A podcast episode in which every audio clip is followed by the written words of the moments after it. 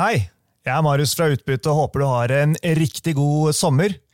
I løpet av første halvår har vi dekket mange forskjellige markedsrelaterte case og begivenheter. Flere av episodene med langsiktige tematikker er like relevante i dag som tidligere i år, og for å gi dere litt ekstra å lytte til, nå som vi som lager podkasten er på ferie, har vi valgt ut fire av våre egne favorittepisoder i reprise. Men med en liten gulrot til deg som har hørt de før. På slutten av hver episode har vi nemlig hektet på en fersk kommentar til det episoden handlet om, for å gi deg en oppdatering på hva som har skjedd siden sist. God lytt, og takk for at du hører på podkasten fra oss i DNB.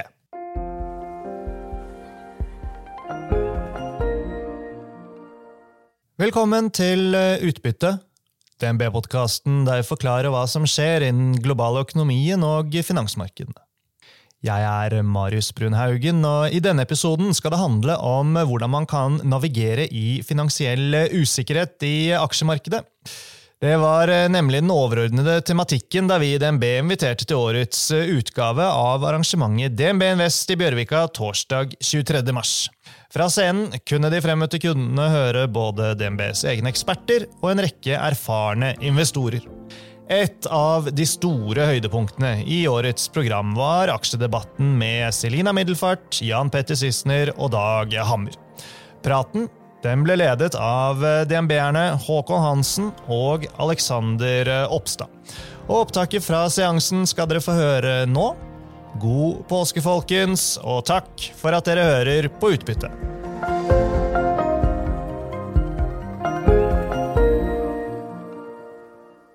Velkommen, alle tre. De neste 20-25-30 minuttene eller så skal vi dekke markedsutsiktene. Og vi skal dekke energimarkedene der hvor alle tre er tungt investert. Vi skal selvsagt få høre litt om enkeltselskaper og hva disse tre investorene nå er mest positive til akkurat i dag. Men først, dere har jo et litt forskjellig utgangspunkt. Du har bare én andelseier som du skal svare til, Selina, og kan velge å ikke være investert i markedet. Du eh, driver et hedgefond, Jan Petter, og du tar markedseksponeringen din opp og ned. Og du er alltid investert og en aksjeplukker eh, i dag, og eh, som en long only eh. Så for å sette rammen veldig kortfattet, kan dere si litt om investeringsprosessen deres og hvordan dere investerer? Begynner med deg, Selina. Ja, eh, som sagt så svarer jeg bare til meg selv. Så første beslutning er om skal man være investert. Og så må man jo begynne med et makroperspektiv og litt tematisk hva man har tro på. Og finne sin conviction, hvilket jeg har brukt mye tid på siste årene uh, innenfor energi.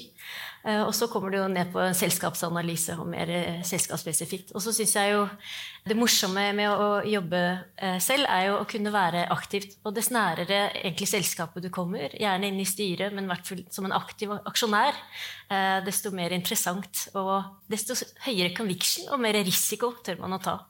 Du har en mer diversifisert portefølje, Dag, er det lov å si. Hvordan, hvordan jobber du? Jeg vil jo si at jeg jobber eh, ganske likt som Selina. Inntjeningsvekst til en attraktiv prising er jo eh, et lite mantra. Eh, og da er det ofte viktig å finne driverne. For Oslo Børs er det i stor grad energipriser, laksepriser, aluminiumspriser, gjødsel, shippingrater. Jo bedre man er til å forutse de driverne der, jo tidligere kommer man inn i aksjene, og til ofte hyggeligere priser. Og så må det også sies at uh, som man uh, si, går opp på en fjelltopp, Når man er på toppen, så er man kun halvveis. Og Inntjening går opp, og inntjening går ned. Uh, og For et fond så er det ekstremt viktig også å unngå nedturene og unngå å, være også med ned igjen. Så bruker også mye tid på å, finne ut når ting snur. Ha en exit-strategi. Husk å selge. Jan Petter, din investeringsprosess og filosofi? Vi kan jo si at vi har 4000 kunder, og har, kundene har stort sett én ting til felles de har nådd en, en, alder hvor de har i grunnen ikke råd til å tape noe penger. For de har ikke tid til å tjene dem inn igjen. Og det gjelder meg selv også, og jeg har ganske mye penger i fondet selv.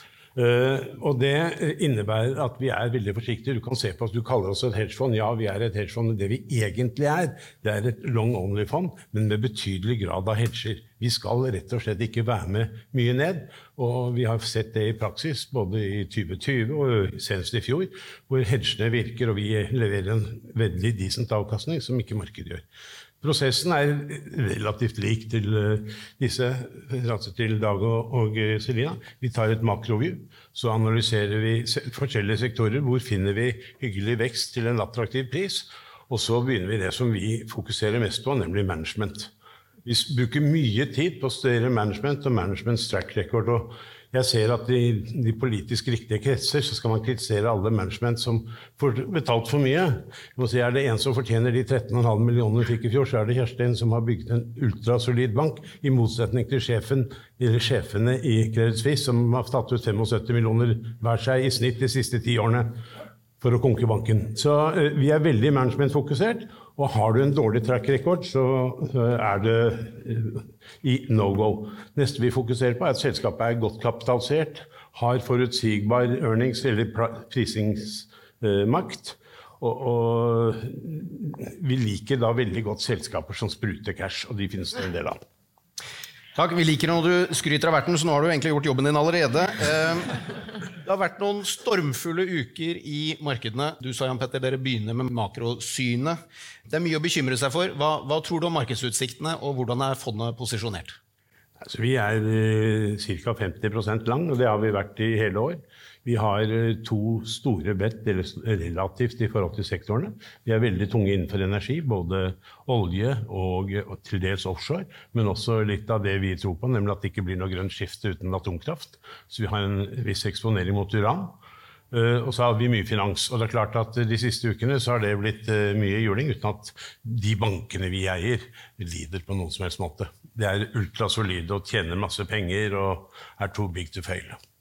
Så finans det er the worst is behind us, er det det du sier? Absolutt, og vi kan gjerne diskutere det. Men det er et veldig stor forskjell på de amerikanske bankene og de europeiske. Og skal huske at Vi har hatt 15 år til å bygge kapital, bygge kapitalstruktur, dytte ut noen sånn litt eh, høygirede lån til obligasjonsmarkedet, som har slukt dette rått. Slik at bankene kommer inn i denne krisen med en helt annen forutsetning enn de gjorde i 2008 så er det jo slik at det også er store forskjeller på uh, bokføringsprinsipper i Europa og i USA.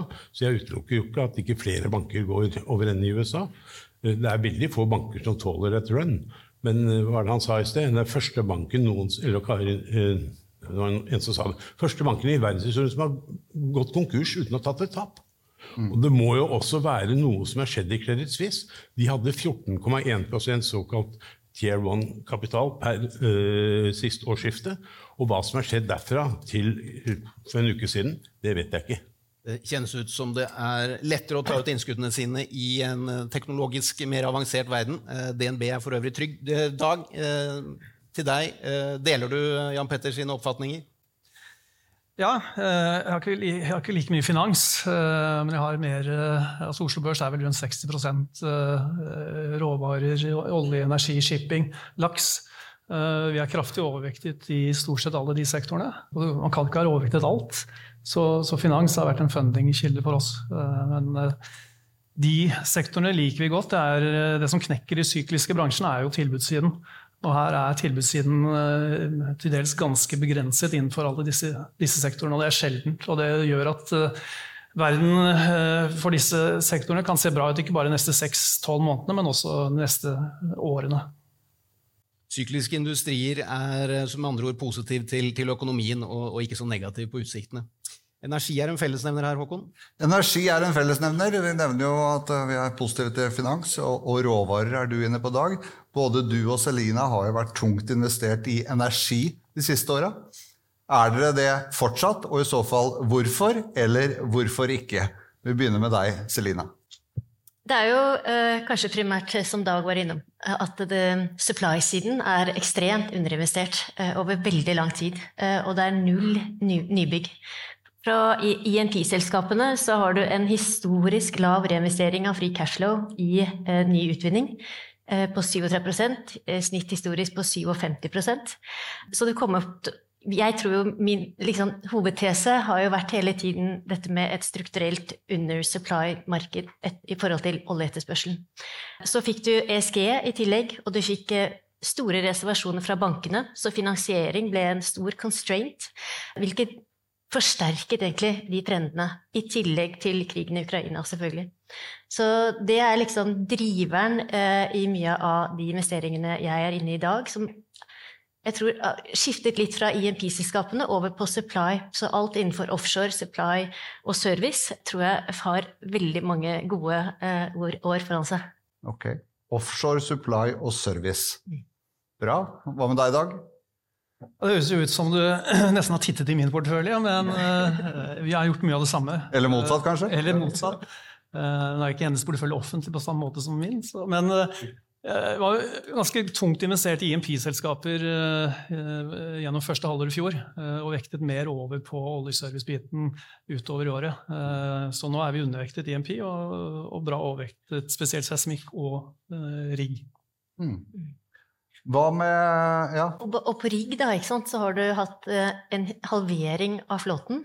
Nybyggingskost eh, er, eller eh, nye ordre er null, eh, og det kan ikke forsvares ut fra dagens rater og det perspektivet i investeringshorisonten man har.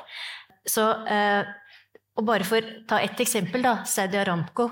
De har doblet antall rigger.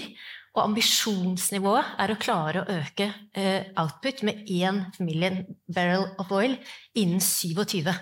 Så det sier litt om hvor eh, komplisert og kostnadskrevende og langt det lerretet er å bleke for å opp, klare å opprettholde den oljen som verden faktisk trenger. I dag så brukes det 270 million barrel oil equivalents i verden eh, som er hydrokarboner. Det er en vekst årlig på halvannen prosent, som utgjør fire millioner barrels som skal erstatte. Vi har depletion på seks-syv millioner barrels hvert år. Så har du fem milliarder mennesker i forhold til hele ESG-diskusjonen, som fortsatt, hvis fremste ambisjon er å få et kjøleskap eller en komfyr som virker. Så det er liksom å ha litt perspektiv på at det er en enorm etterspørsel der, hvor faktisk primærbehovene vil fortsatt prioriteres fremfor kanskje miljø og sustainability, da, som vi som snakker om elektrifisering av biler og sokkelen, fokuserer på her hjemme. Så det er viktig å sette det litt i perspektiv. Fortsatt 81% av verdens energibehov dekkes av hydrokarboner. Mm. Olje og gass. Ja. Er du enig i analysen her i dag? Ja, Tror du fortsatt at olje og gass kommer til å være viktig i åra Viktig å huske på at Den viktigste innsatsfaktoren for det grønne skiftet er jo energi. Ja. Uh, og det vil jo i stor grad være gammel energi. Eh, så jeg tror det er ikke, det er ikke enten-eller, det er både òg. vi kommer til å være avhengig av fossile energibærere i flere tiår fremover. Mm. Du sier både og. Hva tenker dere om investeringer i det grønne skiftet, da, eller fornybar energi? Jeg har egentlig eh, vært ganske forsiktig med det. Og det er vel litt med at Hvis du ser på investeringer i oljesiden, som er hardt beskattet, så er det fantastisk god inntjening. eh, Mens grønne skift i stor del er avhengig av subsidier eh, for å tiltrekke seg penger. Eh, Og plutselig får du en endring så vi på Ottobo, hvor italienske staten plutselig kutter subsidiene til soltak ganske betydelig. eh, Sånn fra den ene dagen til den neste. Og plutselig er ikke det like attraktivt lenger. Så alltid litt skummelt hvor politikere kan ende rammebetingelsene ved å sette på laksa hjemme fra den ene dagen til den neste. Flott. Selina? Og så er det jo sånn at jeg tror det å forsøke å forsere den utviklingen som alle ønsker, og som vi vet kommer, men å ha litt realisme i forhold til tidsaspekt og investeringer og langsiktigheten som må til, eh, det viser jo litt når 2022 eller fjoråret, så har man aldri hatt et høyere kullforbruk i verden. Så du flyttet altså liksom flyttet forbruket over på den aller verst, mest forurensende, forurensende energikilden. Eh, Det ble konsekvensen. Eh, Og da eh, er det jo liksom Da må man ta et skritt tilbake og se om det er andre samarbeidsmodeller mellom offentlig og privat kapital som gjør at man får de rammevilkårene som gjør at du kan skalere opp initiativ, som gjør at forventninger som er skapt i markedet i dag, kan møtes på en ordentlig måte. Sånn som de gjorde med IRA og de 397 milliarder dollarene, hvor de forente faktisk IMP-selskapene og New Energy-selskapenes interesser i sammen å gjennomføre den transisjonen på en god måte. Bare plukke opp, plukke opp litt på det du sa der, eller i innledningen, Jan Petter. fordi her hører jeg at vi har to uløselige problemer. Eh, Vi har en verden som trenger energi, og eh, ikke nødvendigvis sånn at eh, alle i India er like opptatt av sitt CO2-avtrykk som, eh, som det vi er i Vesten. Eh, Du nevnte atomkraft. Eh, Vil du fortelle veldig kort hva, hva er investeringstesen, og eh, hvordan er du investert? Eh, vi har to investeringer, en i eh, noe som heter Cameco og en i, i NextGen Energy. Vi har dessverre ikke fått med oss Rolls-Royce-oppgangen, det burde vi ha fått.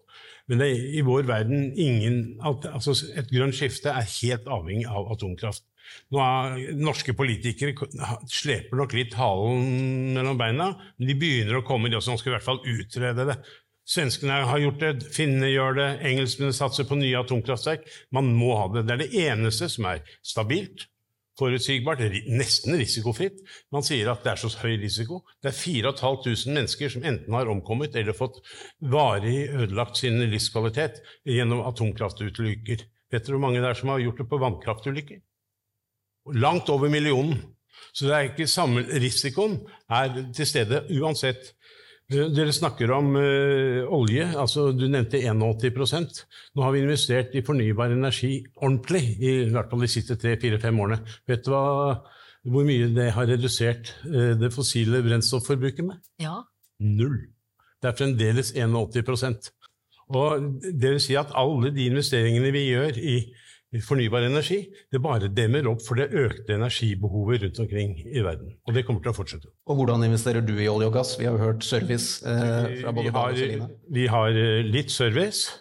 Vi har god del hardware, altså rigger og, og, og uh, supply-båter. Og så har vi veldig mye INP, og det kommer vi ikke til å rikke oss på. De spruter cash. og vi kommer jo tilbake på favorittaksjen etterpå. Men altså selskaper som handler på 15-16 uh, uh, fri cashflow yield, det er for godt til å være sant. og Det er bare å plukke opp, og så kan de grønne tro at olje er historie. Det er det ikke. Sjefen i Shell sa på en konferanse jeg var på for et par år siden, at i 2100 kommer fremdeles mer enn 50% av verdens energiforbruk til å være fossilt eller olje. Og det tror jeg på. Selina? En annen litt sånn tematisk eh, morsom aktivaklasse som har eh, materialisert seg nettopp som en forlengelse av hele energikomplekset, er jo også obligasjonsmarkedet, eh, spesielt innenfor energi, fordi bankene reserverer seg enormt for å finansiere, så de flytter seg ut i eh, markedet og i obligasjoner.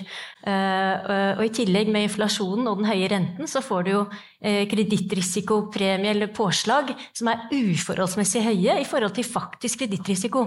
Så du får jo en type egenkapitalavkastning på obligasjoner med sterk nedsidebeskyttelse med sikkerhetspakker som er fantastiske.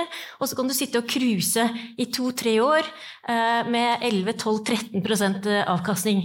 Så det syns jeg i hvert fall har vært eh, sånn tematisk sett veldig morsomt space å eh, sette seg inn i. Begynte å investere i det for ca. et halvt år siden. Eh, og bygget opp en portefølje som gir meg langsiktighet og litt mer ro i sjelen, og ikke våkne hver dag og eh, følge alle kurser og sånn. Du har vridd deg litt fra, fra aksjer til, til obligasjoner. Ja. Hvordan tenker du om dette? Altså, nei, Jan Petter, du skal selge to fond, både et obligasjonsfond og et aksjefond? Jeg, altså, det kan, jeg kan komme tilbake på det, men uh, bare for å følge opp det. Vi skal ikke mer enn tre år tilbake, så kjøpte vi femårsobligasjoner i Aker Solutions til 37 eller 38 pro anno avkastning. Eh, det var den riktige beslutningen. Feilbeslutningen var å selge aksjene våre. for å funde det. Men sånn er det. Eh, jeg tror at det er helt avhengig av tidsperspektiv. Hvis du har penger som du skal kanskje bruke om 6 eller 12 eller 18 måneder, så vil jeg kjøpt obligasjonsfond. Hvis du har lengre tidsperspektiv og sier at dette er noe skal være verdiskapning over de neste 5-10-20 årene, så vil jeg kjøpt uh, hedgefond. Men, men jo, jeg, jeg, er enig i det sånn i tidsperspektiv, og jeg har ganske kort maturity på mine bånd, for jeg tenker at det er noe som er veldig relevant akkurat nå. Så kanskje to års snitt maturity. Men, men historisk da, så hadde du det verste året på obligasjonsavkastninger siden 1720 i fjor. Fjerde, fjerde verste året. Og historisk, etter et så dårlig år i obligasjonsmarkedet, så har du hatt en veldig uplift. Så det er mye som tilsier at det gjentar seg nå også. Vi tjente penger i fjor da, vi på obligasjonsfondet. Jeg vil bevege meg til deg dag. Vi vil snakke litt om enkeltaksjer. Eh, du er jo da kjent som en eh, veldig dyktig aksjeplukker. Går det an å utfordre deg på enkeltselskaper? Vil du trekke fram ett selskap fra porteføljen din? Vi har hørt om Oljeservice. Er det, er det noe annet du vil trekke fram? Utenom Olje Service? Uh, ja, vi har jo mye aksjer i Saptek, som uh, Det er det flere som har. det er det flere som har. Som du kanskje husker, så nevnte jeg den aksjen på julebordet vårt før jul her, så hyggelig å se at du er aksjonær. Eh, veldig spennende selskap. Eh, og særdeles spennende tider nå med Easy-problemene de har. Mm. Eh, lansering i Tyskland, eh, England etter hvert. Eh, det er veldig mye som, mye, mye som, skjer her, så det tror fortsatt er en spennende aksje. Aksjen har gått bra i det siste, men jeg tror fortsatt det er mye oppside. Shipping, Himalaya Shipping, tørrbulk. Timingen er veldig god. De har nå fått sin første, sine to første båter med en reåpning i Kina, som er det absolutt viktigste tørrbulkmarkedet. Gram Car Carriers, eh, bilskip, låse inn alt på kontrakter så å si de neste fire-fem årene. Tjener 40-50 kroner i året hvert år. Aksjen er rundt 150 kroner. Så den er spennende. Her er det, det var, det, var, tre gode Jeg har tenkt å gi deg en utfordring, eh, Jan Petter. og Det kan jo hende at du ikke liker begrensningen, men hvis du skal velge én eneste aksje i porteføljen, og du ikke får lov til å si storbrann, hva sier du da? Ja, mm, Nei, jeg skal ikke nevne ordet storbrann, for det har vel de fleste her hørt både én og to og ti ganger. Eh, skal jeg velge én aksje, så tror jeg jeg må inn i energispacet. Og jeg, jeg, som jeg var inne på, så er vi jo ekstremt glad i free cashflow yield. Det var et fransk selskap som heter Total kapital. Kunne sikkert fått den samme avkastningen i Equinor, men vi liker ikke selskaper hvor staten bestemmer. Eh, så, eh, og det er et prinsipp vi har nesten. Men noen få unntak. Total Energy i, Frankrike er billigere. Det handler på 16% fri cash flow tre ganger EBBDA gilder direkteavkastning i størrelsesorden 7-8 og pluss tilbakekjøp. Så skal du sove godt om natten i et ordentlig selskap når du kommer ut og inn på sekundet og ikke har noen som helst likviditetsrisiko, så er det et av dem. Og du deler Dag syn på Saptek? Saptek er et morsomt nett, men altså, vi har 1% i Saptek, og det er kjempegøy. Skal vi være med lenge? Ja, kanskje, for tingene har endret seg litt. Så vi får se, vi skal følge med. og Kommer det vi tror på, da, Ørnings og sånn, så kommer vi sikkert til å øke. Men da koster aksjene sikkert mer også. Sånn er det. Det henger ofte sammen. Selina, én sektor, én aksje, ja, noe du vil trekke fram? Nei, jeg er veldig bull på riggmarkedet, rett og slett. Eh, både jackups og ultra deepwater. Og tror at eh, det er et historisk stramt marked. Det er ingen ny supply. Aktørene er blitt ekstremt mye mer disiplinerte, koordinerte. Ingenting eh, tas ut på spekk. Alt er med forhåndskontrakter, og alle kostnader dekket. Og jeg tror at det blir en, en, et race etter å få optimalisert allerede drillede wells og ut, utnyttelse av eksisterende felt, fordi man ser at investeringshorisonten og gjenværende shelf life, om du vil, av hele oljeindustrien har en, en finite expiration. Om det er 2030, som noen tror, jeg tror kanskje det blir mye senere enn det. Eh, Saudi Aramco er vel de eneste som investerer lengre eh, enn det som perspektiv, og det er vel der det siste wellet blir drillet til slutt. Og så deler jeg Dags eh, første pick, eh, egentlig Himalaya og drybulk eh, shipping generelt. Det har vært dårlig i 15 år. Historisk lav or ordrebok. Og i tillegg med nye ESG-krav og sånn, så vil du få en fornyelse av hele flåten som gjør at uh, supply blir uh, enda lavere.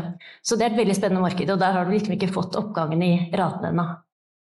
Vi kunne stått her en evighet, tenker jeg, Håkon. Vi kunne det. Eh, jeg ser at vi er på overtid. Men jeg har innmari lyst da, å stille dere et siste spørsmål, selv om vi er litt på overtid. Jan Petter, du har vært tydelig. Du er, jo, du er født i Sveits. Du har vært tydelig ut og sagt at du skal ikke flytte hjem til Sveits. Dag, du jobber hos meg, så du får ikke lov å flytte.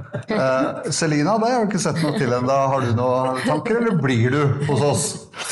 Altså, Det var litt spøkefullt. Jeg, jeg, har ikke tenkt å flytte. og uh, um, uh, håper at vi kan fortsette, vi som har lyst til å skape og bruke kompetent kapital i Norge og fortsette med det og ha fokus eh, på verdiskapning. Men vi hadde et lite familieråd, da det skal sies. Eh, og jeg har jo en, en ung sønn og foreslo for han at kanskje kostskole i Sveits kunne vært noe for han. Ja. Eh, og til, da ble det litt protester, for han, han er ganske mammadalt, så det, ikke, det, gikk ikke hjem. Og da var det bare moren min igjen, så da tenkte jeg at hun får ta en for laget, og så sender vi henne på aldershjem med B-aksjer og masse sigaretter i bagasjen. Og hun tente på ideen. så det er er, en, det er plan B for meg.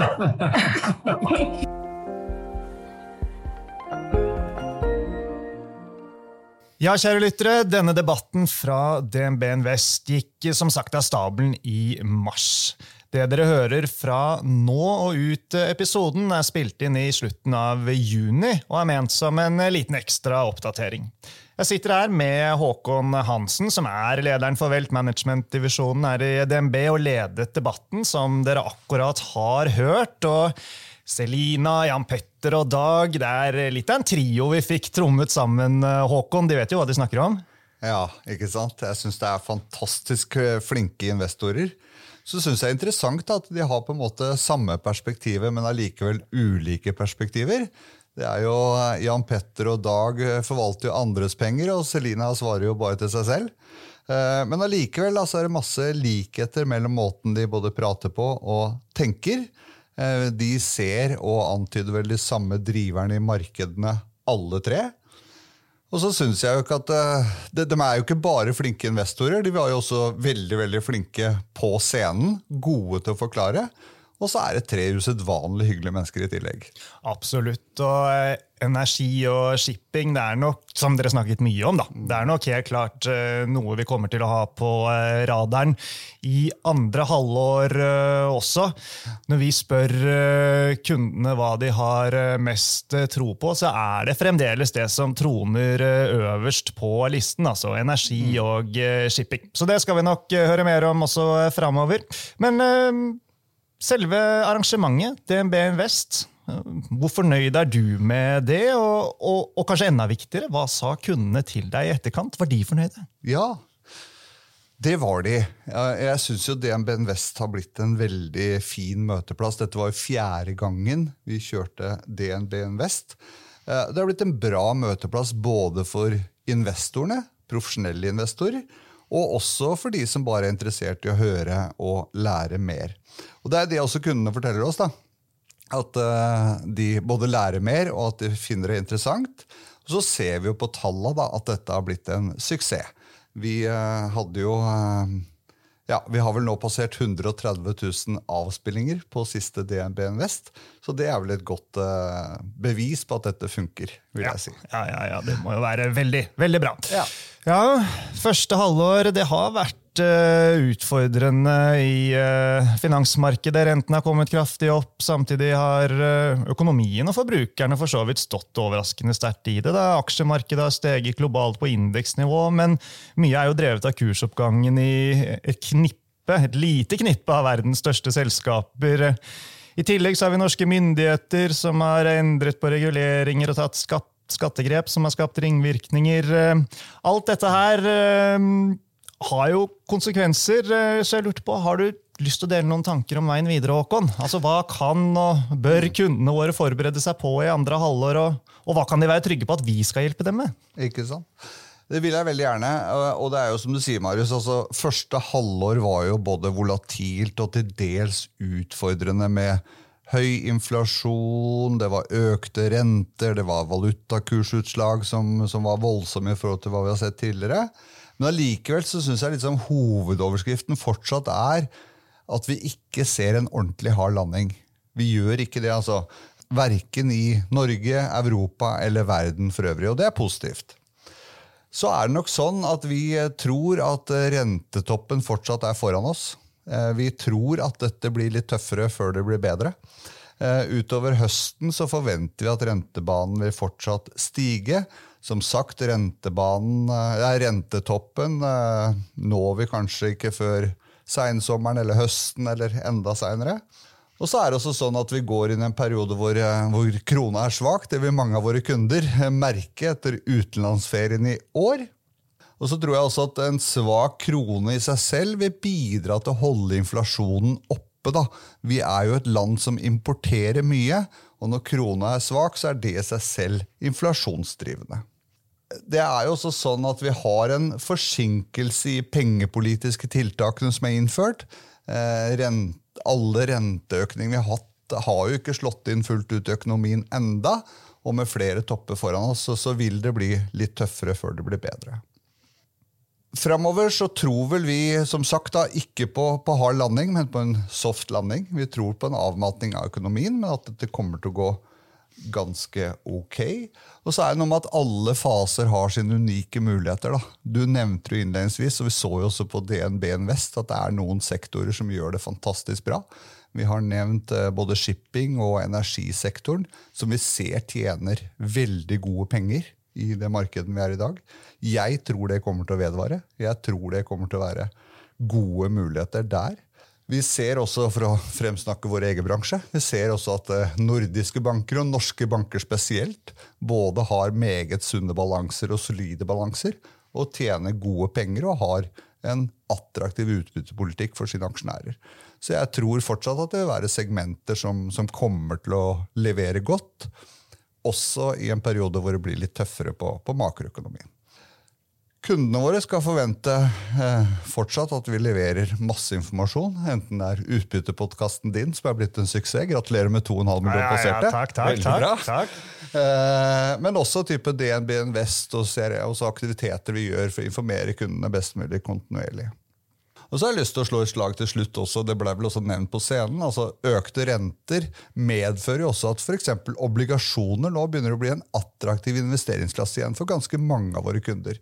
Nå er det, nå er det positive og gode avkastningsmuligheter også i rentepapirer som egentlig lå i skuffen de siste, eller siste ti åra, som nå er kommet tilbake igjen. Så det er litt kult. Ja, men Bra det, Håkon. Da har vi fått gitt uh, lytterne en uh, liten ekstra oppdatering, så da gjenstår det bare å si uh, fortsatt god sommer, alle sammen. Og tusen takk for at du hører på Utbytte.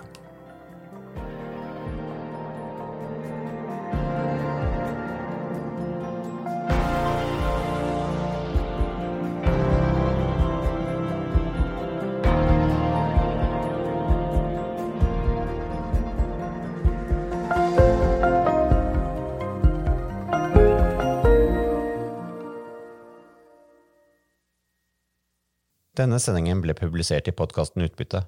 Innholdet i sendingen er å anse som markedsføringsmateriale fra DNB og er ment å være generell spareveiledning.